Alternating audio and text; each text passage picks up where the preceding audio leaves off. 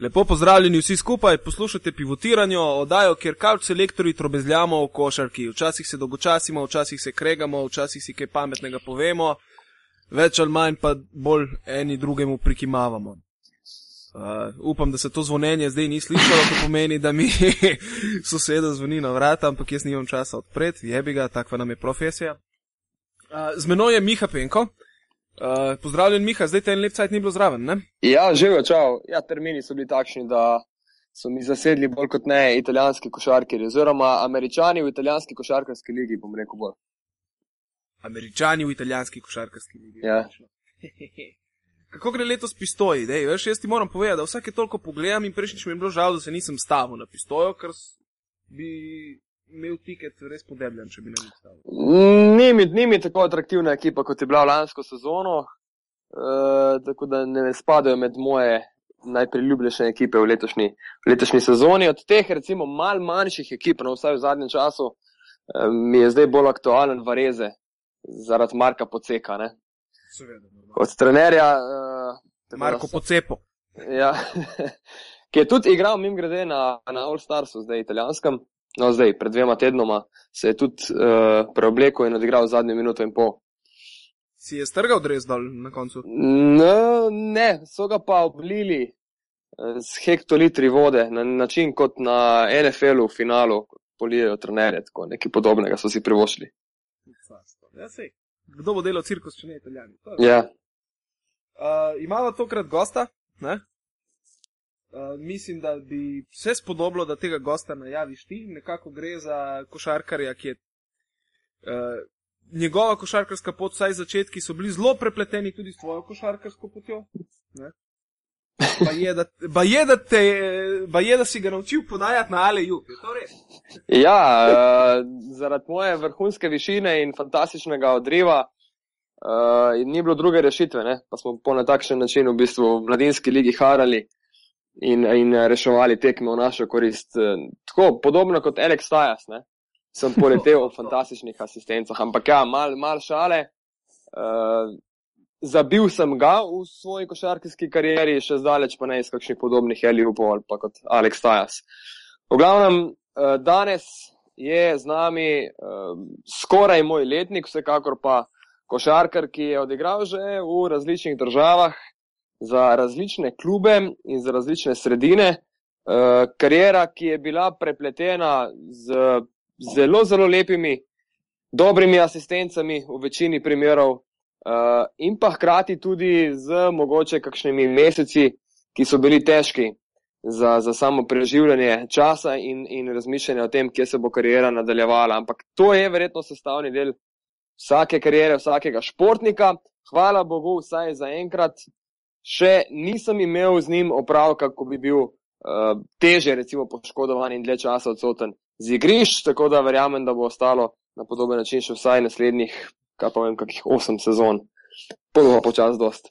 Uh, odličen, odličen asistent, kar je dokazal že v preteklosti in dokazuje tudi v letošnji sezoni, v prvi vrsti pa vsekakor moj uh, dober prijatelj. Jan Močnik, živijo. Živijo, pozdravljena. Pozdravljen tudi ti. Hvala, da si prišel. Sam ste me predstavljali res lepo, ne, tako da hvala za ta uvod. Dej mi takoj, da se vrnemo na tole anegdoto. Ne? Uh, zdaj na okoli Čaršija govori, da je zadeva šla na treningih tako, uh, da je Miha bil totalno napaljen, skakal in, in je rekel, pa dej, podaj mi na Aliju, podaj mi na Aliju, pijani. Ti si rekel, Ma ne znam ti podati na LEU. Pol je Miha rekel, ma kaj te briga, sam fukni na vrh table, bom že zabil. Je bilo to res? Ja, ma igrali smo mini košarko, tako da, hej, veš kako je. ne, se hecam. Uh, ampak je pa res, enkrat sem res podal, pa je zabil, tako da bom kar uh, tako prijazen, pa bom potrdil to njegovo zabijanje. Drugače, uh, ja, Miha, prosti. Ne, uh...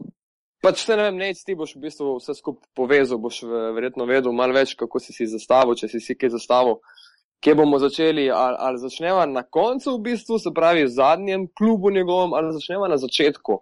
Najna pot se je začela, oziroma poznava se z Janom že približno, kot sem prej računal, kakih 12 let. Uh, jaz mislim, da je nekih 12, 11, 12 let. Ja, jaz, jaz sem uh, pri 16 letih sem, uh, prestopil v Kraški zidar v Sežano. No, se pravi 12 ja, let. No. 12 let, ja.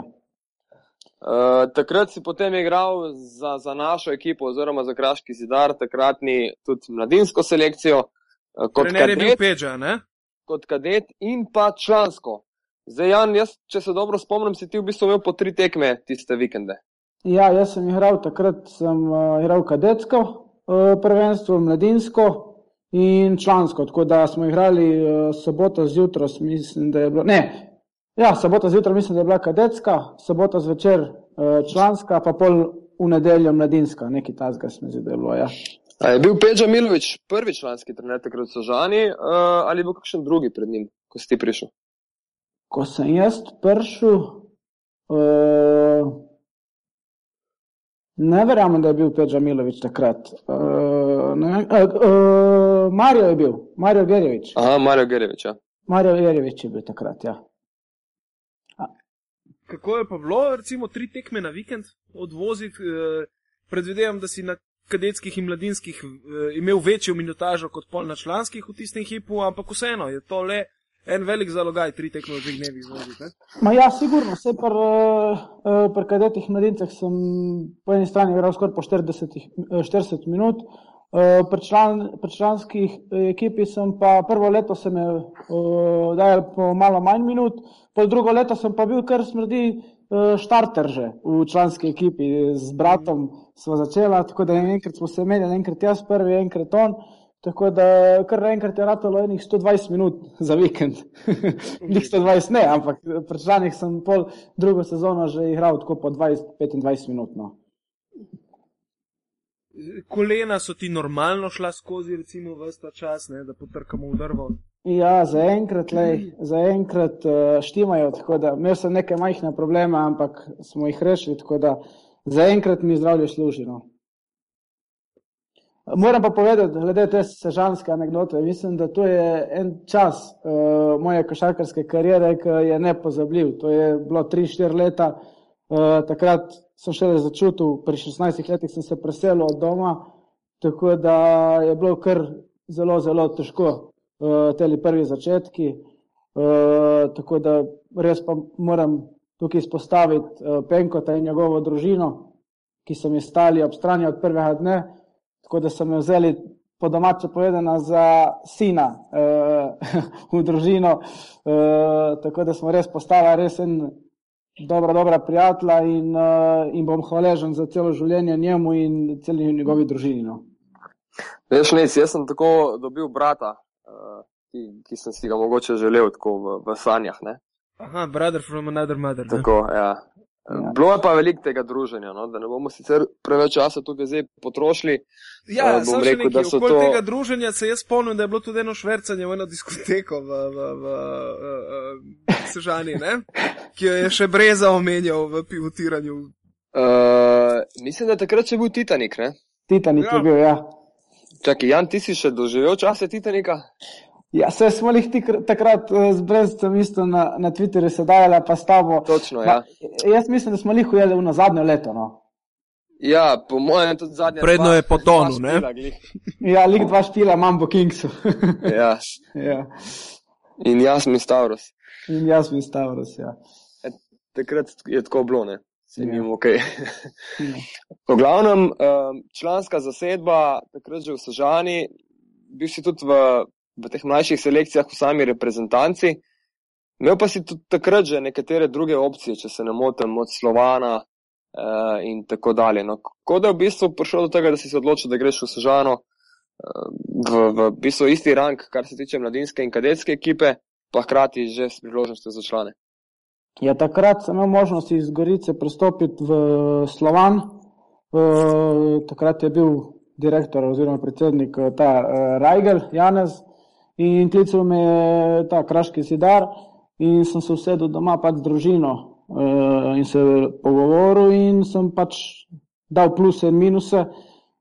Vedel sem, no, da v Sežani bom igral kadetsko in mladinsko uh, po 40 minut in sem vedel, da bom v prvi ligi dobil več minut v Kraškem zidarju kot Slovano. Tako da, uh, ampak še, še, še zmeraj pravim, da mislim, da sem se pravilno odločil.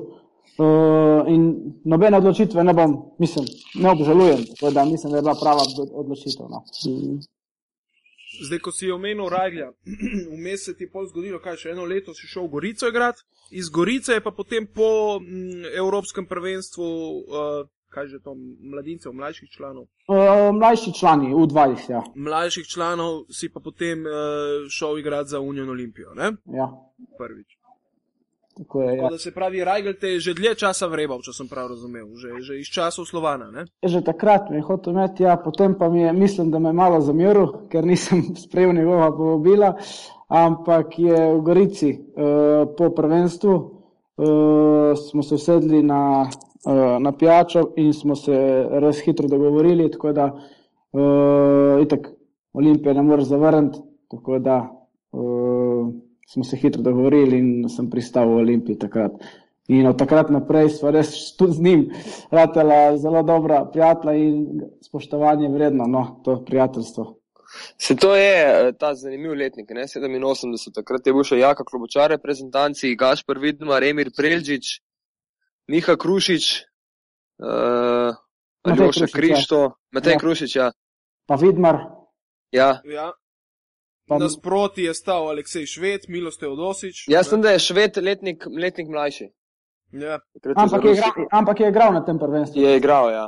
Vse v četrtfinalu se je igralo proti Rusi, če se jaz prav spomnim. Ne? Četrt finalu, ja, ker smo izgubili, z, ne vem, mogli bi izgubiti, zdaj ne vem natančno koliko, ampak mogli bi izgubiti manj kot 8, mi smo izgubili več in nismo šli v polfinale, nekaj takega je bilo. Ja. Ker je prišlo do nekega kroga, se mi zdi, uh, ker takrat so bile po skupinah, ne vem, če je bilo isti, isti, Ja, ja, ja. isti sistem kot je zdaj. Ne, ne, malo drugačen je bil. Ja. Ja. Zdaj šlo. Pa Miloš Teodosič, če se ne motim. Ja, ja, ja. Ja, Sej, a ti mene slišiš, Miha? Aha, s- ja, prosto. Sem, Ne, ne, ne rečem, ker meni dela sam leva slušalka, veš, A, pol pa je vprašanje. Ne? Sej ta srpska reprezentanca, ta, um, ta letnik je bila nepremagljiva do takrat. Tako da smo mi takrat prvič v zgodovini tega letnika jo premagali. Tako da oni so bili do takrat nepremagljivi od kadetu do mladincu in do U20, ta letnik uh, srpske reprezentance. Pa kapetan te reprezentance je bil Milenko Tepič takrat, ne? Tepič je bil, ja. Ja. Pa Štimac. Ja, Ja, pa dob, dobro, Pavnič, pa dob, dobro so imeli takrat reprezentanco sestavljeno. E, v glavnem, do tistega momenta si ti že imel par članskih sezon, približno si, si že vedel, na kakšen način se igra košarka na tem višjem nivoju oziroma članskem nivoju in pol je prišlo do selitve v Ljubljano, v, v Olimpijo, definitivno največji slovenski klub še vedno, verjetno tudi posebno, jaz ne vem, ali, ali euforija ob prestopu, v bistvu kako se je vse skupaj dogajalo, kako si doživel tiste prve minute po podpisu. Ma se takrat, po moje, nisem niti razmišljal, kaj se mi dogaja, ker to dobesedno sem doživel pač svoje sanje. Takrat so bile res tudi drugačni časi, se meni zdi, kot zdaj, ker takrat sem prišel na priprave, vem, ko smo poklicali, smo šli na roglo, pa smo se uh, dobili na rogli in kar naenkrat zraven mene sedijo Milič, Hukič, pa vsi teli Dragič, kar naenkrat nisem vedel več, kaj, kaj, s kom da se pogovarjam, kaj da koga kaj vprašam. Požiral sem informacije, a po eni strani mi je bilo, ne vem, se pravi, neka euforija v meni, adrenalin in res, to so bili neki nepozabljivi trenutki v, v moji karieri. No. Se pravi. Pa takrat je v bistvu Memi Bečirovič je bil trener, ne? Mim je bil, ja. In uh, nekako začeli ste tisto sezono, se spomnim, zelo čudno. Najprej je, sta bila v klubu samo Milič pa Zupan, pa je vse skupaj izgledalo, ali se bo neki nabralo ali ne. Potem se je ekipa skupaj spravila, eh, potem je padel najprej Olimpijako so ti volil, pa, pa CSK, ne, kjer je Milič z unim zadnjim polaganjem preko Smodiša šel noter. ja. Mm, tako, ena taka euforija. Potem se je pa v bistvu že v prvi sezoni, če pogledam, si doživel vso schizofrenijo slovenske košarke, kjer se je iz euforije spustilo v totalno depresivo, menjavo trenerja in tudi mislim, da z menjavo trenerja je prišel za tebe en drug režim v Olimpiji. Ne? Ne se pravi, jaz takrat od septembra do, septembra do decembra sem doživel res uh, take stvari, ki jih po moje normalen človek ne doživi v celem življenju. Se pravi, od neke euforije do do ne vem, dvigovanja v neke zvezde, bilo kaj. Uh, Memi mi je dal neko vlogo v ekipi, ki sem jo, mislim, da dobro izkoristil. Vse pravim, te starejši igralci so me, so me dobro sprejeli, za kar se jim ipak, uh, itak uh, zahvalim. Uh, ampak res, potem pa je prišel ta, ko si rekel, ti menjava trenerja, ki pač uh, se odločil, da jaz nisem za ta sistem njegov, za kar mu pač ne moremo zameriti. Vsak trener vidi uh, igralca pač v vsem sistemu in sem poteknil jaz kratko, ampak še zmeraj bom povdaril, da ni pa še do nobenih zamer in da življenje teče dalje. Normalno. Ja, po, po memiju je bil Aleksandr Žikič, ne, trener, da ne Ja, bomo v šifrah ja. govorili. Ja, ja. Ja. E, takrat je padel Pini Gršon z Olimpijakosom, če se ne motim, v Ljubljani. Ja, ja. ja Pini Gršon je bil. Ja. Tvoj najboljši dosežek v Euroligi takrat je bil pa 12 točk, meni se zdi. Jaz sem mislim, da je bilo lih proti eh, njim, proti Olimpijakosu. Točno tako, ja. Ja. V ledenem Tivoliju, ne? V Verjetno. ledenem, v ledenem, ja, ja, ja, v ledenem pogledu. ja, v ledenem tivolu, v norem tivolu takrat. E, kako je bilo kaj na gostovanjih vseh teh eh, euroligaških takrat? E, dvorana miru in prijateljstva je, je verjetno dost posebna, glede na to, da so gledalci zelo daleč od, od samega centra terena. Ja, to je pa res. Priješ v to dvorano, okrog, okrog igrišča je še ena atletska steza. Tako da so gledalci res kar oddaljeni. Tako da, ko igraš na igrišču, imaš občutek, da, smo, da si na nekem stadionu. In uh, res se pravi, niti ne občutiš tiste euforije. Sej, dolo, mi, ki smo igrali proti njim, ni bila lih nabita polna dvorana. Mislim, da ki igrajo proti Panetinajku, se vse to drugače zgleda, ampak mm, ni bilo neki, da bi rekel, nekaj vzdušja. Recimo, ko, je, ko igraš proti Partizanu, Zvezdi, pa teh um, klubih, ki imajo bolj euforične navijače. Še enega si mogoče tukaj pozabil, ne? Zadar, vi ste takrat igrali še v stari dvorani Zadar. Ja, to pa je ena anekdota, ki smo igrali v Jazinah, smo še igrali. Ja. Pa, pa ta, ta en trenutek moram jaz povedati, ko smo, je bilo, eh, tekma je bila kar izenačena. Pa z nami je bil ekipi Miha Zupan, uh, vse veste, da ima, uh, je malo, ja, slušni aparat in so naredili na koncu zadnje minute nad njim faul, pa dvorana Jazina, veste, da je, da, da je nabita polna, vsi so žvižgali, vse uno in Miha Zupan. Bum, gre na prosta meta, prvega zadene, drugega zadene in mi smo se vsi tresli na klopi. Potek mi pašem, pa zupam, kako si upal, tako pa zadet hladno krvno, dva prosta meta. Ja, sklopil sem slušalke, pa nisem nič slišal. Tako da res, ampak res jazine takrat, to, so pa, to je tudi bilo, ja, pohvalno, pohvale vredno navijače. Takrat ste kar tekli z igrišča, če se ne motim. Ja, res je. Direkt v garderobo. Se čakaj, jazine so bile še taka dvorana, se spomnim, z eh, tribunami direktno oba v liniji zelo strmi, tako da se je zelo vršil pritisk na, na sodnike lahko s tribun. Ne? Ja, dobesedno so se tudi obroči premikali, ko si ti metel na koš, tako da je bilo dobesedno na parketu navijači. Ja. A ja, ma čakaj, prav, prav, uh, guncali so jih? Ja, ja, dobesedno, ker je bilo direkt, tam, kjer so bili navijači, so bili tudi uh, teli obroči, tako da dobesedno so jih prav. Dobro, Na, na tisti balkon so pritrjeni zadaj, ja. Ja, Ja, ja, ja. balkonu, tako da na tistem balkonu, ko so ostali tisti navijači, so jih kar tresli, tako da je bilo zanimivo. Ja.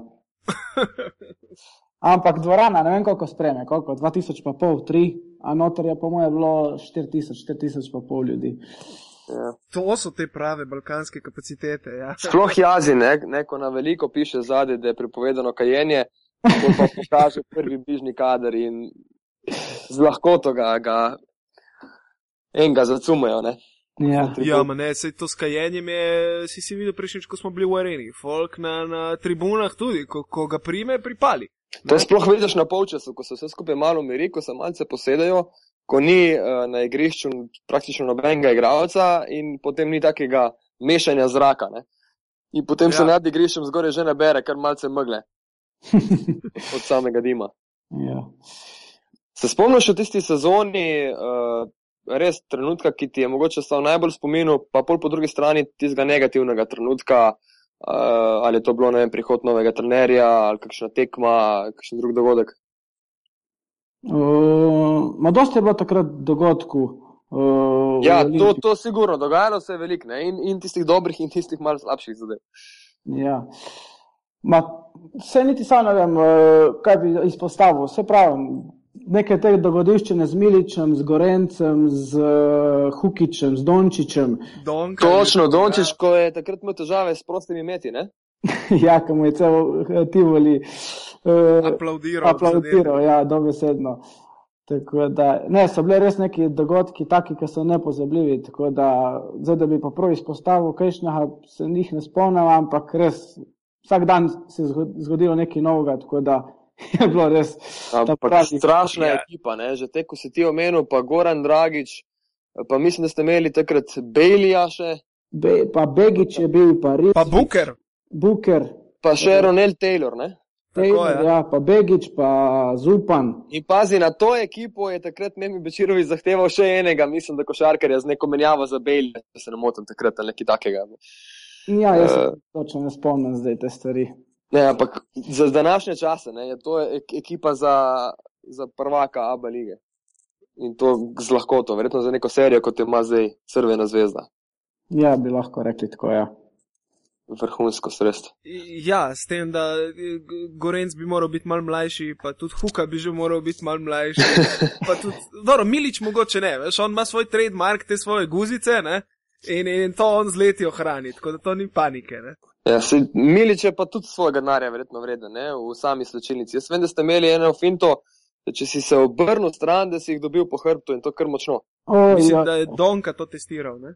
To je pa je bilo, ja, to smo imeli vsi rdeče hrbte. Vse mislim, da ima celo Milko na, na, na svoji spletni strani eno sliko hrbta, ki je en, ne vem kdo koga udaril in je bilo čez cel hrbt, oziroma plav hrbt roke. Tako da, tako da veste, da ni bilo res. Smo vsi hodili, ob, eh, smo šli pod tuš, smo vsi hodili ob steni. ampak res pa je bilo, da so oni dovolili tudi, da mi njih udaramo. Ni bilo samo eno, enostransko, tako da je bilo oboje, stranske, oboje stransko. Mlajši, starejši, starejši, mlajši. Tako da niso se tudi oni smeli obrniti. No. E, kaj pa, uh, kako je bilo v bistvu na treningih? Uh, Kabla? Da to radiš, buldožer jeden. Ja, pardon. Začel mi je telefon na tla. V glavnem, vem, da ste na treningu igrali tudi veliko ena na ena, še dodatno, se pravi po, po sami uri. Če se ne motim, ste enkrat z Gorencem imela eno, en svoj dvoboj. Ja, to je bila tudi ena anekdota, ki jo dosti krat uh, tudi svoji igravci povejo, ko smo v kakšnem lokalu. Ja, nič, po tekmi, takrat se je Gorent celo vračal po poškodbi, oziroma ja, po poškodbi, mislim, da uh, Ahilove tetive. In je sam, na začetku je sam treniral z nami, in ko se je vračal, je po enem treningu pač me naprašal, če gremo igrati. Ja, ne ena. Oziroma, predtem smo šli prvo šprintati v Tivolju po stopnicah do vrha, pa Milič je bil sodnik. Pa, Malo Da je vse regularno, ne, da je vse regularno. Da je vse regularno, pa vsakič, vsakič je Vilič, prvo smo šli po eno stopnico, pa vsakič je Vilič rekel, e, e, Moka je zmagal, močnik, močnik je zmagal, pa je bil Gorenc živčen. Pa smo šli pol po dve stopnici, pa, pa spet Milko, pa je- Jan je zmagal, Jan je zmagal. Na koncu je rekel Gorenc, gremo po štiri, kaj ti ne moreš. Tako da ne, res pa pol enkrat smo igrali ena na ena in z Gorencem in sem ga celo, sem ga celo premagal takrat na začetku, ker je bil še nepripravljen. In jaz kaj tazga nisem še doživel in sem prišel do njega in sem, mu- on ima tetovirano tukaj nec, tri tukaj na, na roki, ne. Draže novo cifra. Ja. Ja, pa sem rekel, jaz, pa da se na drugo stran zdaj Olimpija sedem, ne, ker je bila moja številka. Pa je, pa je čisto znorel. Pa, in pol čez en mesec je, je, je še enkrat uh, zahteval, da igramo ena na ena in me je zmagal, potem se mi zdi na ena ali na nula me je pustil, pa je prišel do mene in rekel, no vidiš, zdaj mali, kdo je boljši. Tako da, ampak res pa je, da smo se takrat ustvarili isto z Gorenco, neko uh, spoštovanje, lik zaradi tega ena na ena, pa teh dvobojev, ki so imeli, tako da uh, je bilo tudi to, se pravi, je bilo res neko spoštovanje med temi mladimi in starejšimi igravci, ki še zdaj no, gojimo to prijateljstvo. Tako da je bila verjetno tudi logična poteza, da je zdaj on tvoj menedžer, če je. Je še tvoj menedžer? Ne, ni, ni, več moj menedžer, Da! ampak uh, nič narobe, no, mislim, Aha, uh, nič. Smo se uno, prijateljsko vse zmenili, tako da. Ja, no, vidiš, mal, mal, mal brcam v prazno. Ja. Je pa bil moj menedžer, ja. Ja, ja. ja. Uh, zdaj, jaz se spomnim enega detajla, recimo pol kasneje, ko se je zgodila menjava trenerja, uh, ker v Tivlju se je še dalo špionirati treninge. Ne? ja. In jaz sem takrat živel ene 300 metrov stran od dvorane Tivoli, tako da te sezone se zelo dobro spomnim. In tudi, ko so bili večerni treningi, sem dosti krat uspel noter špionirati. In še zdaj se spomnim potem uh, scene po menjavi trenerja, igralo se je 5 na 5, Moka je pa šutiral na svojem košu. Ne? Imel šuterski trening za sebe. Ja, le se pravim, po menjavi trenerja, ki je prišel Džikič, eh, se je pač tako odločil, da jaz v, v tem sistemu njegovu ne morem funkcionirati in kaj sem te drugega pri teh letih, ko reči, uh, se sprijazen s tem in ga rad naprej in pač, če bi dobil kakšno priložnost, da bi izkoristil.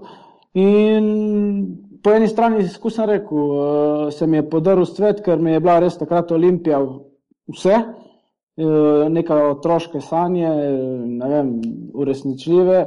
Potem, ko sem prišel pač v Olimpijo in kar naenkrat se- je vse to se prekinilo, ampak vse pravim, eh, brez zamere, to je pač šport, to je Olimpija, ni pač, da bi rekel, zdaj edini klub, ki jaz lahko igram, v njemu sem takrat, sem imel 20 let, sem mal, vse veste, kako je to, Eh, je bila Olimpija vse, ne, ampak vse pravim, brez zamer, brez, eh, da bi, zdaj smo igrali proti Krki eh, s Heliosom, tako da sem stal z njim tudi prijatelj, tako da neč narobe. Si mu na trezu 25 pik. No, ne, ni bilo toliko. Ne. Ja, ste pa imeli tekmo uh, dobljeno praktično, ne? S Krko. ja, pač na koncu smo vodili tri pike, 15 ali 20 sekund do konca, pa nam je dal Buker uh, trojko za podaljšek in podaljšku smo spet imeli štiri pike, se mi zdi minuto do konca. Pa mi nismo dali, oni dali na koncu zmagali, ampak kaj čemo, to je šport, se pravim. Upam, da se bo nam uh, obrnilo uh, v toku sezone uh, tudi nam na, na kaj boljše. V, v Heliosu. Ej, So. po Olimpiji je že bil Avelino tisto poletje ali Poljska? Poljska. Uh, Avelino, jaz sem šel takrat. Ja, ja. Jaz sem šel takrat, je Avelino bil Euroligaš, se mi zdi, se je uvrstil. v Tisto sezono, ja. Ja, in me je poklical ta trener Žare Markovski, eh, da Ja. pridem k njim na priprave. Pa, pa sem bil kot dva meseca, se mi zdi dol.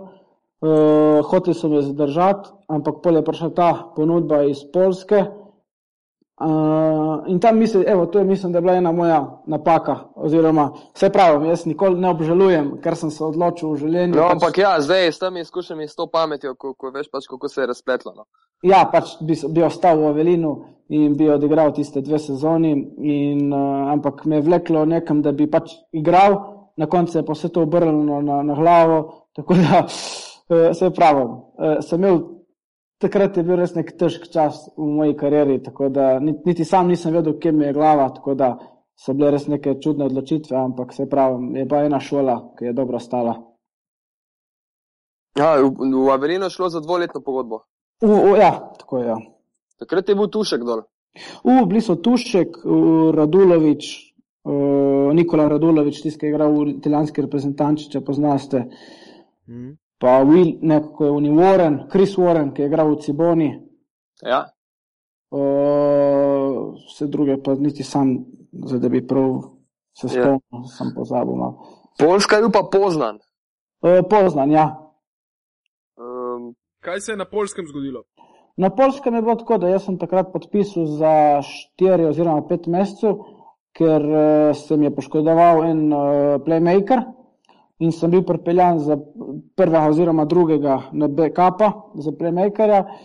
In potem so pa po dveh, treh mesecih podpisali uh, novega američana in res takrat mi je bilo, premlad sem bil, da sem šel, če bi še enkrat odločil, sem imel koliko 20-21 let, prišel sem na Polsko, bili so sami pet američanov, sedem poljakov, neki tazga, nisem ja, enega- ravno da je bila tista kvota, kot se spomnim, ne?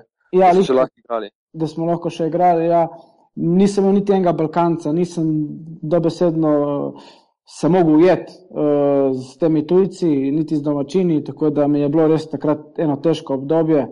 Uh, tako da pol smo sporazumno prekinili pogodbo in uh, pač so prišli domov. Ne. Ja, sej, pol si se pa vrnil v bistvu k peči v postojno tisto sezono, ne? Ja, tako je, ja. Dobro, dobro ne si ti to špioniral iz Tivolija naprej. Ma sem špioniral. Hodi po celi Sloveniji. ne, ne, ne, ne, ne. Treningov od Peđe ti povem, da Peđenega treninga nisem videl nobenega. Yeah. Ja. Videl sem njegove tekme svoje cajte, recimo, ko je bil uh, trener še Kopra, sem si šel gledat uh, v, v Ligi Telemah Koper Olimpija in, in uh, sem za nalašč sedel za klopjo Kopra, ker me je zanimalo, kako bo Peđa psoval na taj mal. upam, upam, da ne hodaš tudi tukaj na Helios.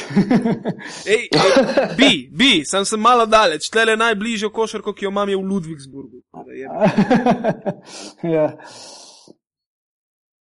Uh, drugače, imaš še od tujine, se pravi, potem Snajdero Udine, je bila tudi ena epizoda. Ja, takrat me je poklical Teomen Alibegovič, to je bila italijanska druga liga, tudi prijetna izkušnja. Prišli smo v četrt finale, na koncu za las 3-2 izgubili, ne vem točno za iskero ekipo, ampak prijetna izkušnja. No. Tako da Italija je tudi ena posebna država in liga. Uh, tako da mi je bilo lepo tam igrati. Sej, dobro, Udineze je tudi, oziroma Udine, uh, tudi lepa dvoranca. Ne? Ja, prijetna. Vse to, kar spada zraven. Pa še blizu doma sem imel pol urce, tako da uh, mi ni res ni bilo neke, neke težave. Sem se počutil kot doma. Že se kapa. ja. No, prej, ko si rekel, da je Italija ena posebna država, v letošnji sezoni si pa začel tudi v eni zelo posebni državi, še celo državi, ki uh, niti ne vem, koliko članic jo je že priznalo in koliko ne, v glavnem, celo nekatere članice ABA lige je še ne priznavajo, kar je seveda logičen korak za njih. Uh, kako je bilo v Peji, Peji? Peja, ja, peja, peja, peja, peč. Uh, peč ja. ja. Tako, ma, to je res ena posebna zgodba. Jaz, če, bom, če bi zaenkrat najboljša košarkarska uh, uh, Nekašakarske tri mesece, no bi rekel, štiri mesece, so bili v, v, v peji, če bi lahko izpostavil tako no, te stvari. Ne, res to je bila neka taka dogodivščina, da ne vem, kako jo bi lahko opisal, da, da, da, da bi bilo predstavljivo to. Ne. Vse pravim, to je bilo po domače povedno ludnica. Ne. Ja, meni je Miha navlekel na eno tekmo, enkrat, da sem si mal pogledal posnetek. Ne? Ne, jaz bi začel nekje druge. Jaz bi začel s tem, da ko si ti mene že obvestil, kam greš, sem najprej Google spoh, če kaj je za ta klub, pa ta liga, če to sploh obstaja. Predvidevam, da poleti, ne, ko si sicer sporozumno prekinil pogodbo z Mariborčani, nisi razmišljal o, v takšno smer oziroma v tej smeri. Ne, sigurno, hotel sem iti uh, po teli uh, sezoni v Mariboru, sem želel iti tujino. Uh, In pol je prišla ta ponudba, ko sem rekel, iz, iz Kosova. In... Ampak to je prišlo dejansko iz neba, ne? Ti si bil jaz, na treningu takrat, pred treningom si dobil klic in si se odločil sem... v dveh minutah, preden si zgooglil, kako res. Dobesedno je bilo tako. Jaz dobro, poznal sem klub, kat... nisem pa poznal vem, v detajlu, ampak vedel sem uh, približno. Jaz sem prvo mislil, da je ta klub iz Prištine. in pa sem pa videl, da je to peč, da je to, eno, da je to 60 km od Prištine ven, ta, to mesto. Da, uh, ampak da bi se se zgodilo, to je res. Jaz sem bil na treningu, uh, sred treninga sem šel na vodo, da popijem, uh, ker je bila time out, sem pogledal telefon in vidim uh, klic menedžerja in sam ga pokličem nazaj, pa sem vprašal, kaj pa je. Ja, tukaj, dobesedno v dveh minutah sem, se, sem mu rekel, samo sem pritrdil, da grem in drug dan zjutraj, v 8 zjutraj sem že letel tja. No. Tako da to je se zgodilo res tako na hitro, da, da sem šel samo domov, nisem niti oddelal treninga, ker sem, sem bil sam na treningu. Tako da sem samo se eh, spakiral, šel domov in zjutraj na letališče. Se pravi, kaj, eh, pol si uh, pogodbo dol dogovoril, je bila na odprta pogodba, glede na to, da si pol po treh mesecih nekako uspel ne. v Helios? Ne, pogodbo smo se stavili v roku ene ure. Sej, tako da sem prišel domov, v polnoči sem podpisal pogodbo uh, preko maila oziroma preko faksa in uh, In uh, zjutraj sem pač letel. Pogodba je, ni bila odprta, podpisal sem za celo leto, uh, tako da je trajala. Pač, mislim, pogodba je bila zaprta, bi se reklo. Ne. Na kakšen način so pa potem uh, kosovskega Steve Neša spustili v Heljo? uh, jaz bi rad prvo opisal, kako je bilo dol vse in, pol, in pol, pol bi rad povedal na koncu, kako se je to zgodilo. Pravim, uh, dol je bilo res neko tako posebno doživeti. Rad bi povedal ta derbi s Prištino, ko je bil. Uh, Uh, Saj niti ne vem, ker okolo je bilo, se to sploh ni pomembno. Smo šli z soigravci dve uri pred tekmo. Ne, najprej je bil derbi sprišen, ko nisi smel igrati. To je bila tvoja prva tekma, ko sem še jaz čakal doma na netu, da bomo to prek live streama spremljali. A, se strinjam. Sem to še, sem to še videl na, na, pravi, na predstavitvi igralcev, potem tudi tisto furiozno predstavitev Prištine in potem mi ni bilo jasno nič, ker, je, ker so minute šle mimo, trenete pa ni poslal igro. Ja, to je bilo. Jaz sem se ogreval, pač celo grevanje in uh, zadnjih tri minute, ko je zapiskal, da gremo iz terena, sodnik dol, prije uh, trener do mene pa mi reče, ja, ne boš igral, ne. Pa, zakaj ne? Ja, ni papirju. kako ni papirjev. Pač, vem, jaz pa še en center nov, ki smo prišli isto, uh, dobesedno nas niso pustili grad. Zdaj ne vem, ali je bilo res to zaradi papirjev. Uh, verjamem, no, ajde, da je bilo zaradi papirjev. Tako da prvo tekmo, oziroma derbija s Prištino nismo igrali, tako da pol drugo tekmo, povratno smo pa lahko jo odigrali oba dva.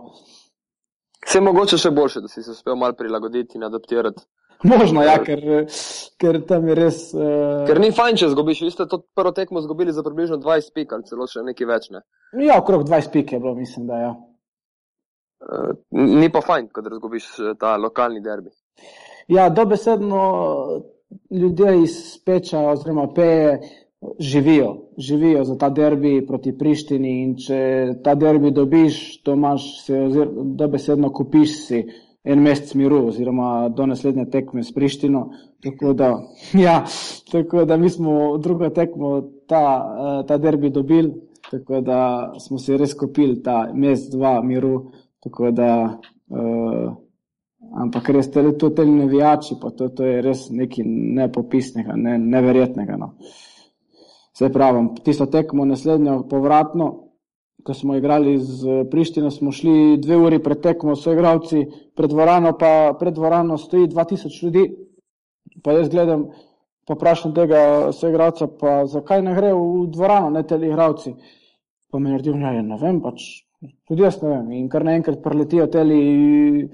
Eh, policaji nam naredijo prehod, da gremo v dvorano, pa pridemo v dvorano, pa nabita dvorana. Tako da je bilo pred dvorano 2000 ljudi, v dvorani pa dve uri pred tekmo 4000 ljudi že navijalo, tako da je bilo res nekaj neverjetnega. Ja, Če primerjaš recimo z jazinami, na katero potenco gre to? Ja, ne rečemo na, na tri, ajde. Pa, ne, kako pa je bilo, recimo, ti si živel dol v hotelu? E, ne, v stanovanju. A, v stanovanju. No, prvi del je bil hotel. Ja, ja prvi del sem, prvo sem živel v enem hotelu, potem sem dal v drugi hotel in potem sem nekako dobil to stanovanje. tako da sem se preselil v stanovanje in je bilo vse v redu. Recimo sama organizacija klubov. E, ipak si dal skozi različne klube po Sloveniji in po tujini, tako da si videl že različne organizacije, od boljših do slabših kako zgleda organizacija klubov na Kosovo? Jaz ne glede na to, da spremljam košarko, ti moram priznati, da mi je zadeva španska vas. Uh, se strinjam, se pravim. Glede tega, te peje, pa Prištine bi lahko govoril, da je pri, približek Aba ligi uh, oziroma te slovenske uh, lige v teh zgornjega dela, te uh, ekipe z večjimi budžeti. Tako da Priština ne vem, se mi zdi, da ima milijon evrov budžeta. Tako da to je res ekipa, ki. Nis... To je več kot Olimpija. Ja, ja res, to se vrtijo v Prištini take cifre, da boli glava, bi se reklo. Ne? Tako da te stvari so res. Eh, zdaj pa same organizacije, eh, pa ni na takem nivoju, da bi rekel, ne vem, aba lige. Ne?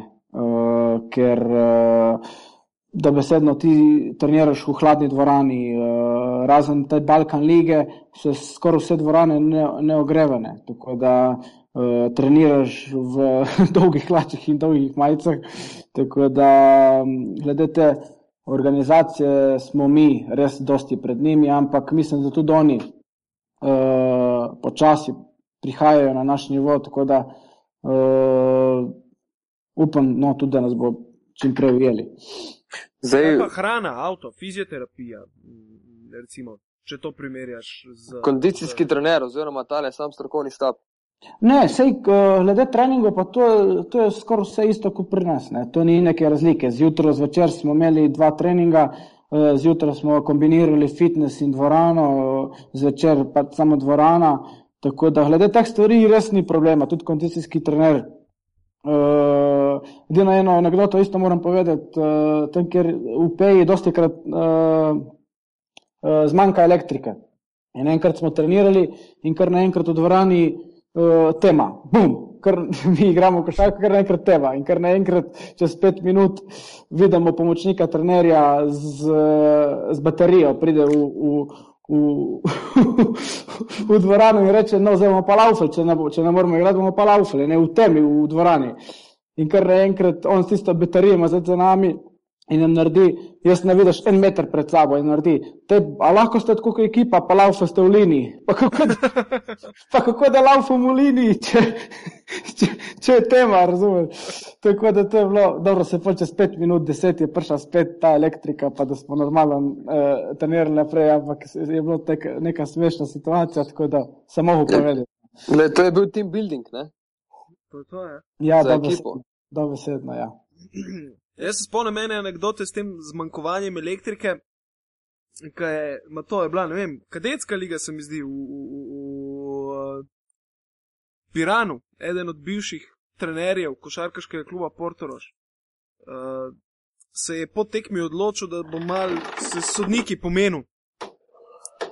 In se je s hišnikom zmenil, da vržejo ven varovalke, da bo elektrike zmanjkalo. In v glavnem varovalka je šla ven, on hop noter v, v sodnikovo sločilnico. In potem se je nepričakovano hitreje vrnila elektrika nazaj, kot je mislil, in njega so pač dobili z sodnikom v rokah. In pa se je on izgovarjal, da ne, ne, nisem bil jaz ta, ki ga je mlatil, jaz sem bil ta, ki ga je hotel rešiti.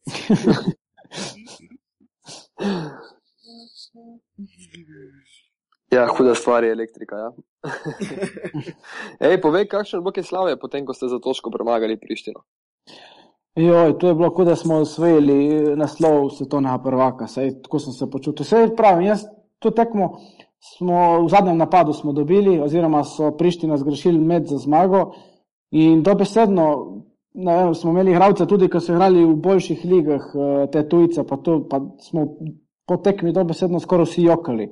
To je bila neka, eh, nek Eh, neka čustva, neka adrenalin je prišel na nas, cela dvorana je skočila na, v, na igrišče, tako da je bilo res dobesedno kaj tazga. Na koncu smo bili, ne vem, tri dni se je pekel, so se pekli jagenčki pa v, v, v mestu, tako da to je bilo res nekaj nepozabnega. No. Pa se ti zdelo, da uprava kluba vrši pritisk na vas, ti si vseeno igral v nekih drugih klubih, mogoče lahko to primerjaš, ali, ali nisi čutil nekega posebnega pritiska? Eh, pred to tekmo. A se vam prav, tako pravi, mi dobro. Uh, sezona je začela je tako, da dobesedno smo imeli samo prvi poraz s Prištino. Uh, do, do, do naslednje tekme s Prištino smo pa tudi vse dobili, tako v Balkanski ligi, kot tukaj v domačem prvenstvu.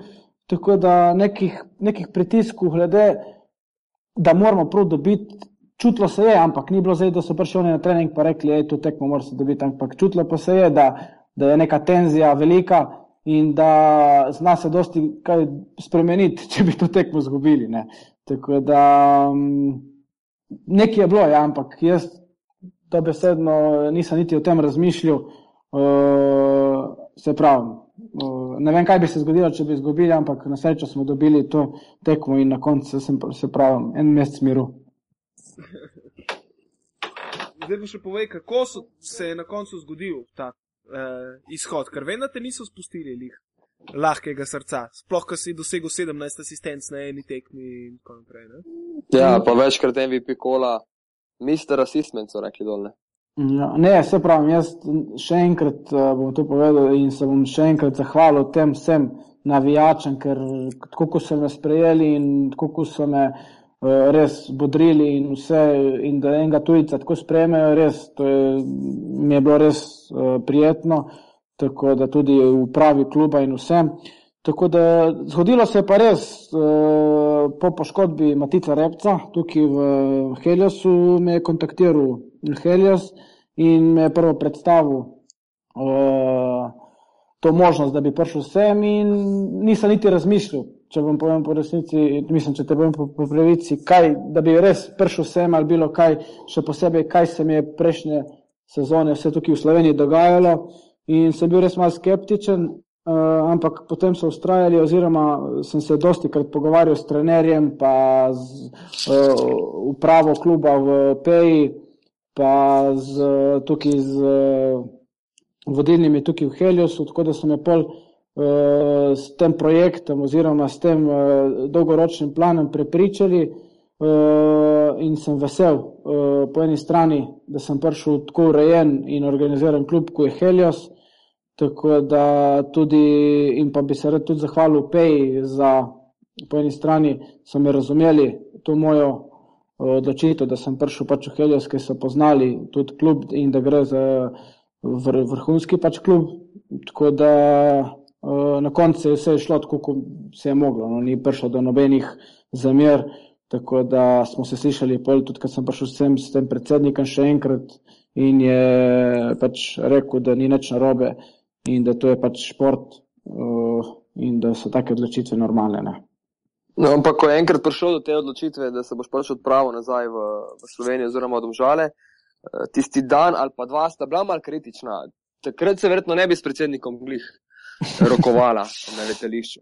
Ne, ne, ne lahko pač opišeš to zgodbo, ampak ti si se pač mogel v določenem trenutku odločiti v, v, v praktično uri, uri ali dveh uh, spakirati kočka in se odpraviti brez, da si kaj veliko diskutiral z ostalimi. Ja, jaz sem bil na kosilu in dobil sem klic, da pač uh, imamo ob štirih letalo. Mm, tako da veste, da neki dost cajta nisem imel, da se odločiš kaj in kogo. Tako da sem sam javil, da grem in to je pač to. In uh, ko sem pa videl, ko sem prišel na letališče, ko sem odprl telefon, so dobesedno celo mesto oziroma vsi navijači že to zvedli in so me pošiljali uh, SMS-e, da zakaj pač grem.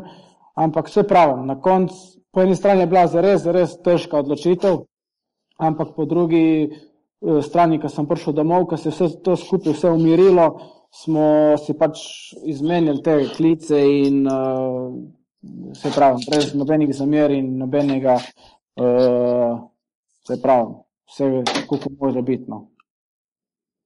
Ampak ni bilo pa teh klicev ravno 10-15, teh klicev je bilo 1000 plus, ne? če štejemo vse možne pozive na Facebooku. Pa kaj so dali na, na, na svojo uradno stran, tvojo telefonsko ali kaj? Ma ne, se pravi. Ne, ne, Facebook je pač odprt, ne? Facebook je pač odprt, tu ne sporočila. Jaz se pravim, jaz sem prišel domov, po, uh, kaj je on pristal, sem odprl telefon, mene se je spraznila baterija v roku ene ure, ker tu so letela, jaz ne pravim, se, enih preko 500-600 sporočil sem dobil v roku ene ure. Tako da res jaz nizki tazga nisem mogel doživeti. Uno, nisem se mogel predstavljati, kaj se dogaja. To je bilo uh, dva dni, tri dni neprestano uh, klici in potem sem se pač nekako je mogel udolžiti, ker se nisem mogel z nobenim pozdraviti oziroma se je zgodilo to vse tako na hitro, da sem jim uh, pol napisal eno pismo, in se jim zahvalil za vse te pač stvari, ki so naredili za mene in da so me tako sprejeli. Tako da so uh, lepo tudi to pismo sprejeli in tako da na koncu pravim se je izpletlo tako, kot se mohla izpletiti. No. Stari so 600 sporočil, da si enkrat. To je pa, če bi Union Olimpija objavila pipanovo cifro na internetu, ne bi dobil toliko sporočil po tekmi, ko gre na robe. Ja, lej, jaz, ja. Sem, pač, jaz sem pokazal Mihcu, vse, če ne verjameš, uh, niti jih Miha niti pove. Res dobro besedno, jaz, ko sem odprl telefon, to je gorelo, to cajt. Jaz, kaj ta, ne moreš, ne moreš verjeti, res. E, o, je, pa še zdaj mi piše, se to ne može verjeti. Ne, meni je najbolj zabavno, ne, ker uh, v bistvu so ti navijači dol si ustvarili svoje Twitter profile in Facebook profile pod v bistvu tvojim imenom. in svoje ime potem postavili uh, poleg tvojega imena v oklepaj. Ne? O tem, o, o tem zvezdništvu, se pravi, kot ko zdaj vidiš nekega ron, uh, fena uh, Ronalda ali pa, ali pa Mesija, podoben način. Justina Bieberja. način, ne, Na ali pa ta Justina način se ponovadi Justin Bieber časti, ne? Tako. Tako da lahko prijemo do tega, da si v bistvu kosovski Justin Bieber. A veš, ker jaz vem, da je Jan mene sledil na Twitterju že prej, ne? potem pa sem dobil en dan novega sledilca in je Jan Močnik, pa mi nič ni bilo jasno, ne? Koliko zdaj teh Janov Močnikov nastalo. Pa se tudi jaz na, na Instagramu oziroma na Twitterju sem dobil prošnjo od močnih Jan, sem rekel, pa koliko je zdaj teh Jan močnih ljudi. Sam sebi naredil profile, da, da Sam sebi več naredil profile, ja. Ne, se pravim, to je bilo nekaj nepopisnega, no. Kaj ta zga doživeti, jaz sem se počutil do res dobesedno, eh, ne vem, Kot kralj. ja, kot kralj. Nisi mogel iti na kafe normalno, dobesedno so zmeraj uh, spraševali za avtograme, za slikanje, za res, to smo šli na kafe, to si mogel iti doma, najboljš popiti kafe in to je to. Zdaj se mislim, da to še lahko poveš, no? zgodbo po, po zmagi nad Prištino, ko si naročeval v lokalu, mislim, da vodo ali sok se vseeno. No. Ampak moram to povedati. Ja, Dej, dej. Ja, nič. Jaz sem uh, po tekmi stup, po tekmi s Prištino, so nas povabili navijači v en lokal in smo mogli iti vsi, uh, cela ekipa. Zdaj, prosi, zdaj bom zelo telebansko vprašal, ampak so tu sam navijači ali so tu tudi predstavnice ženskega spola? Malo, malo je bilo res teh predstavnikov. Mislim, da samo eno do dve, tako da jih res ni bilo dosti. Bolj navijači bi se rekel, da bi se. Aha, okay. Ja, in uh, prijem jaz v ta lokal, jaz pa še dva soigralca, drugi so že bili prej noter. In kar naenkrat vsi, kao močnik, ti si na redu. Jaz, kaj zdaj na redu, kaj je to? Mislim, ne, ti si na vrsti, pač, ne, ti si na redu. Pač. Ja, ja. In uh, kar naenkrat slišim tam iz kleti, oziroma tam bum, bum, bum, bum. Jaz, Kaj je zdaj to? Ja, da moram streljati s pištolo. Sem rekel, joj, v življenju nisem še streljal s pištolo, ej, kaj bo zdaj to? In neč. In me pride ta do mene in me vrže tisto pištolo v roko, kao, zdaj moram pa streljati, ne, ker to je bila res taka euforija, to je bilo cel lokal. Kao, še jaz, samo še jaz, jaz sem še zadnji, ne. Sem rekel, ma ne bom jaz streljal, ma ni šans, lejte, lahko vi delate, kar če se jaz streljam. In me vrže v roko uno pištolo, jaz kar sem kar spustil, padla pa teh tista pištola, sem rekel, joj, sem imel prav slabo vest, da sem sploh primil v roke. In pol mi naredijo, ja, ma moraš, moraš, moraš.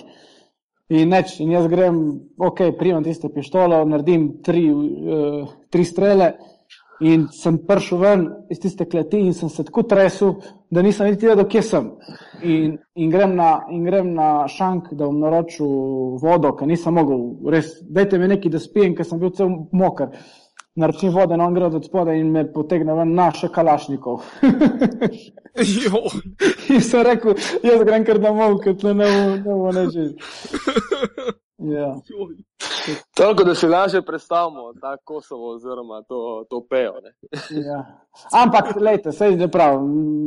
To je, bila neka, to je bilo vse v nekem sklopu, neke, ni bilo zdaj, da je bilo ne, vem, milijon ljudi noter. Tako Ja, da- euforija, euforija, neka zabava. ja, Eh, Klasična zabava. Ne? ja, se pravi. Kdaj imaš veljavno pogodbo z Heliosom? E, to plus še eno leto, ne. Aha, no nič dobro, če se izteče, se pravi, v peji si vedno dobrodošel, ne? Ma, ja, se pravi. Zaenkrat smo v dobrih odnosih, tako da. Tle, v, v domžali najdeš kakšno strelišče, da imaš kakšne vaje pred tem, ne? Se, se, se, se sem prav, se sem rekel, zdaj, ne, ne, ne bi smel tega povedati, ma dobro, ajde, penko mi je zdaj izdal, tako da. Je prišel, je prišel na dan. Ja. Ja. Hej, domžale, uh, čas prehajamo proti zaključku. Ma domžale Na zač- so, do, ja, povej, povej. Ja, na začetku, na začetku je bila zgodba postavljena zelo, zelo visoko leteče, oziroma poleti še ne, dokler tebe ni bilo. No, potem so se začele v prvih kolih in še, in še malo kasneje govorice o tem, da bi si domžale želeli spet postati, recimo, ne samo stabilen, nek prvo ligaš, ker je, ampak celo, celo poseči počasi proti vrhu in razmišljati v prihodnje tudi o jadranskem tekmovanju. Same pogoje, kot sem seznanjen, imate trenutno dobre, od tega fitnesa do vsega tega stafa, ki, ki pritiče zraven, recimo prvemu trenerju, uh, ne na zadnje tudi zdaj neki tujih igralcev, nov motiv na dresih oziroma neka mal prenova dvorane pa vse skupaj. Ma, glede tega, le, to je res vse, vse super. Glede organizacije, glede eh, predstavitve pred tekmo, če ste mogoče bili in oziroma če sta bila mogoče pred tekmo s temi light showi, pa res eh, glede tega marketinga in vsega. To, jaz mislim, da tukaj v Sloveniji to dosti manjka, ker v tujini uh, je to skoraj vsak klub ima to. No.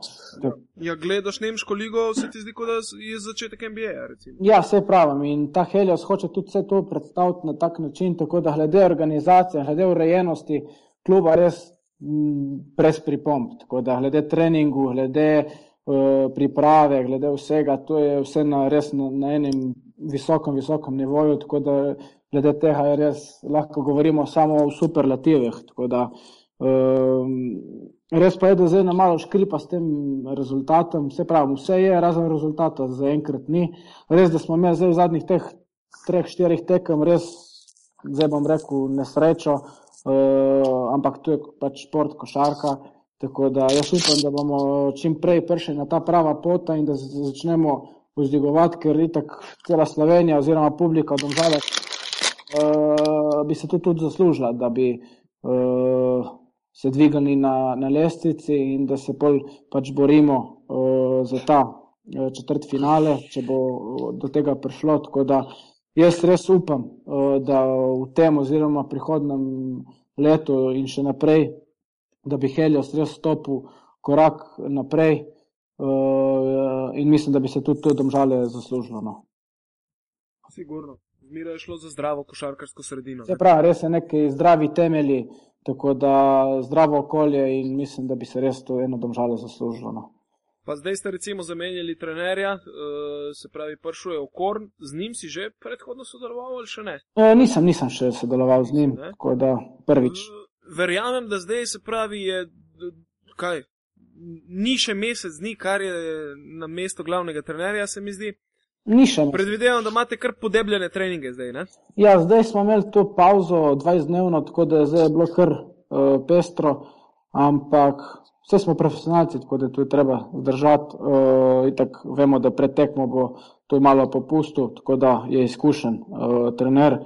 Uh, vsi verjamemo v njega, verjamemo v klub, verjamemo mi, igravci, tako da uh, verjamem, da lahko spišemo neko normalno in lepo zgodbo. In strmimo k tem ciljem. No. Kako pa je sodelovati z Gašperjem Okornom? Jaz, ker sem sodeloval kot v preteklih sezonah, oziroma pred tremi leti, ko je bil moj uh, sokomentator Eurolige, moram reči, da je blazno, blazno zabavna oseba. Uh, kako je v bistvu potem ta sistem oziroma sodelovanje med igravcem, ki pač mora poslušati svojega nadrejenega trenerja? Uh, tako je rekel, res je prijeten trener. Uh, zna, zna te motivirati, zna povedati pa tudi, uh, ko je najtežje neko, nek štos, bi po domače lahko rekel, da te sprave v dobro voljo in da se ne smeješ, ampak dobesedno ve, kaj dela. Ve, ve, uh, vidi se, da je res izkušen trener, da je, da je bil že v tujini, da je imel Olimpijo, da, da je res ta pravi trener za to okolje in da da ima ta šmek, bi se rekla po domače. Ne? Tako da res uh, zaenkrat nobenih pripomb. Uh, res pa je, da je res uh, zanimiv trener, no, tako bom povedal. Je zelo direktor, ne?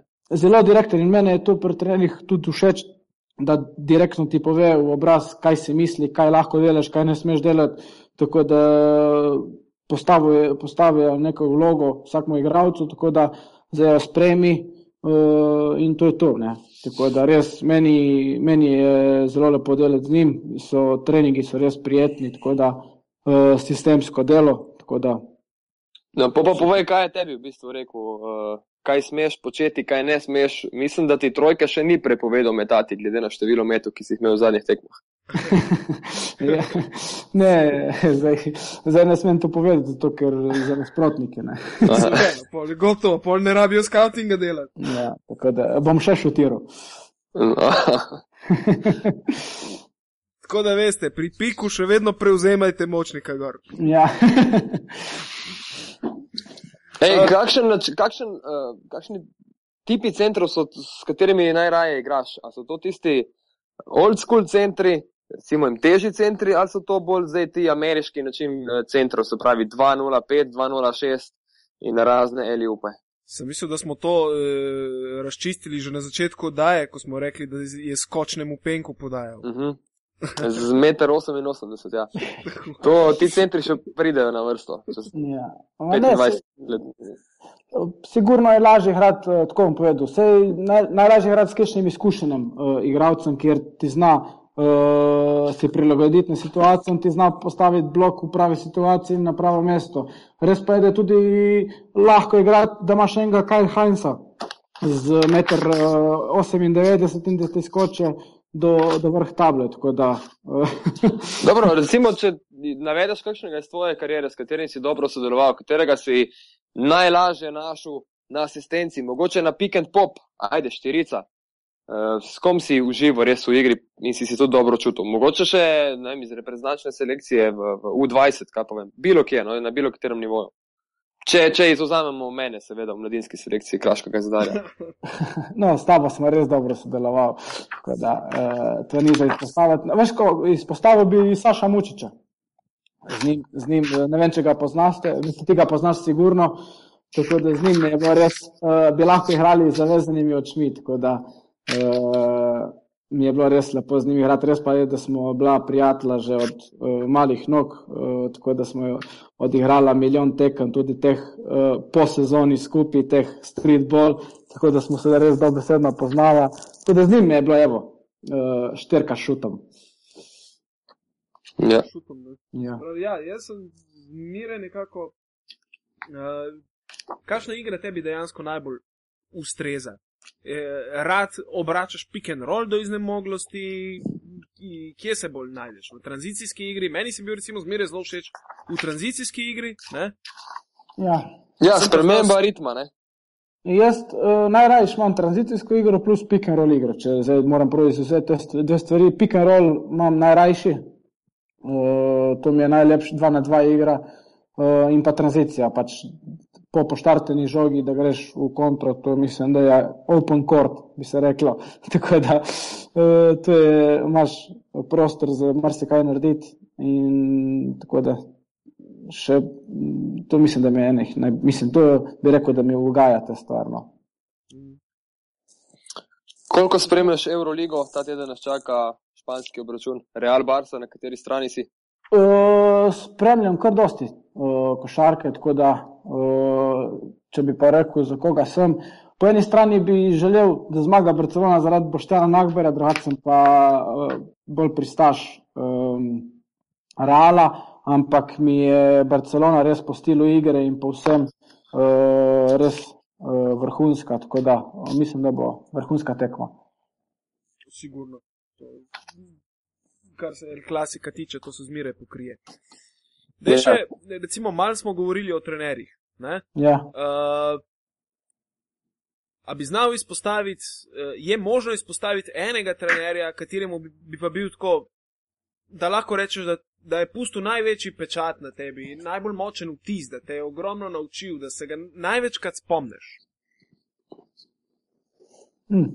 Uh, sigurno je bilo prve te tri mesece v Olimpiji, uh, Nemi Bečirovič, mislim, da je res uh, tak uh, trener, ki te zna na, na pravi način in uh, v pravem trenutku povedati, kaj je lahko in kaj ne. ne. Tako da on ima res ta občutek za igro, tako da on mi je res pustil uh, dosti uh, tega košarkarskega znanja. Tako da takrat tisto prvo Olimpijo, pa tudi Saša Filipovski, uh, te dve leti v Olimpiji je, je, je dosti uh, vplival na to moje košarkarsko znanje. Uh, drugače pa bi lahko od vsaka trenerja nekaj povlekel. No. Zdaj sem izpostavil ta dva, ko bi lahko rekel, da sta res na nekem vrhunskem nivoju, ampak tudi na tem nižjem nivoju, ko sem igral, so bili neki trenerji, ki ti lahko res dosti dajo, pa na nek drug način. Uh, tako da bi lahko kar vse trenerje izpostavil, ki sem jih do zdaj imel. Prosim? Ne smeš kar govoriti. Ja, pravim, da bi lahko izpostavil kar vse trenerje, ki sem jih do zdaj imel, tako da ne bom, da ne bom koga izpustil. No. Smo še kaj pozabili, Miha? Vidim, da te že sliši, da te že kličejo. Kaj praviš? Sprašujem, če smo še kaj pozabili, glede na to, da te že kličejo. Ja, ja, uh, službene zadeve kličejo. Uh, ne, mislim, da smo pri koncu, ne? Uh, smo te karkoli pozabili vprašati, eh, Jan, da si mogoče želel še uh, povedati, pa ti nismo dali šanse? Ma ne, mislim, da sem še preveč povedal, nisem niti nameraval, nisem niti nameraval tako povedati, kot da ste dobro izvlekli iz mene. Ja, nič, potem dajmo za danes zaključiti. Hvala ti, da si bil eh, naj gost. Dejva še eno napoved, uh, samo za, za Euroligo, kdo bo prvak na koncu. Uh, ajde, letos bom pa stavil na cel. Lani si bil na Final Fouru, ne, to se lahko pohvališ. Ja, celo, celo v prvi vrsti smo sedeli, če se spomniš, skupaj. Ja. Tako da upam, da ravno tudi letos. Ampak zgodba pa je, da, da si Pino Gršonu lepo povedal, da so se srečala pred uh, sedmimi, osmimi leti. Ne? to je tudi zanimiva zgodbica. Ja. Pa, kaj je pa Pini rekel nazaj? To, to. Pini se, se je pa jaz spomnil, no, jaz ne vem. pa jaz se je spomnil, ma jaz mu nisem verjel lihno. Tako da, ne, upam, a, mislim, upam, uh, letos bi stavil na CSK, čeprav so klecani že parkrat, ampak uh, jaz jim res želim letos, da osvojijo to. Ampak je dosti, je krok favoritov res tako velik, tako da uh, zdaj, da bi mogel prav koga izpostaviti, res uh, je težko, ampak CSK mi zaenkrat deluje res soveren. Ma majster je Miha, veš, on nas vse dobro zajebe, zato ker nobeden od nas uh, v pivotiranju si ne upa napovedati, zato ker vsi se izgovarjamo na to sezono, je še dolga, gore, dole, ne? Ampak vsakega gosta pa takoj bocne, dej povej, dej povej. Ne? Ja, kaj pa, kaj, ki pa ti praviš? Ne, jaz sem mislil, da bo rekel, da je majster, ker, eh, ker je zrihtel lani tebi Final Four, njemu pa letos Areno in Zvezdo, ne? ampak dobro je obrnil na drug način. Ja, mislim, to vsekakor si majster. Ja. Ja. Jaz, jaz sem za Final Four sem gledal karte, tako da letos še niso v mojem budžetu. Lej, če zritaš, no problem, boš majster tudi za to. Čakaj, a sem, a sem povedal prava kandidata, če sem vsaj blizu. Vse, vse je vseeno, vse vsak ima svojega kandidata. Je, no, dobro, dobro. Prejšnji, če je Štucin na Twitterju recimo rekel, da če CSK ne bo osvojil, se on zabrije na nulo. In pol je, in pol je še mene tega vnoter v ta challenge. A jaz majstore čelav, da bolj čelav ne morem biti, razumeš? In sem rekel, da ni problema, stavim na žalgiris, takoj zdaj, cvizdarija. Ja. No, jaz sem pa pristavil, da naredim ala Daniel Hackett frizuro, če ne bo Barsa. Oh, to bi te res, res vedel. No. Se puščam že dolgo, tako da. Ja, to vem, ja, bolj na unga. Uh, Batistuto pustiš. Mm. Kjer kralj na Batistuto. Ali pa na skolaja, Ja. Sami kralji, sami Ja. kralji. na Vujačiča. Kaj? Na Ja, Vujačiča. Vuja, Vujačič spet spušča čupo, sem videl zdaj po slikah. Ja. Ja, takrat je igral najboljši basket. Ja, točno to, sej po moje zaradi tega se vrača nazaj, back to the roots. Ja, dej, da ne bomo zajadrali v kakšne vode mal. Smo že, Malo smo že. kočljive, ker ker bomo potem z galom imeli težavo. Ja, ja, o tem, je. kaj ja in kaj ne. In Ne, ma, ja ma, ne. malo v šali, malo za res. je Ja, to. seveda. Ja. Dobro, ja, nič, hvala za, za klic. Ne?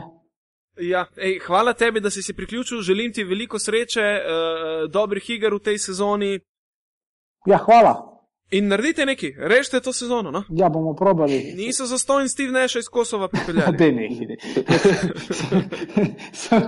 hvala vam, le, res, kaj ne rečem. super. Ja. Lepo se imejte oba. Enako. Enako, ajde, čau, Aj, čau. čau, čau.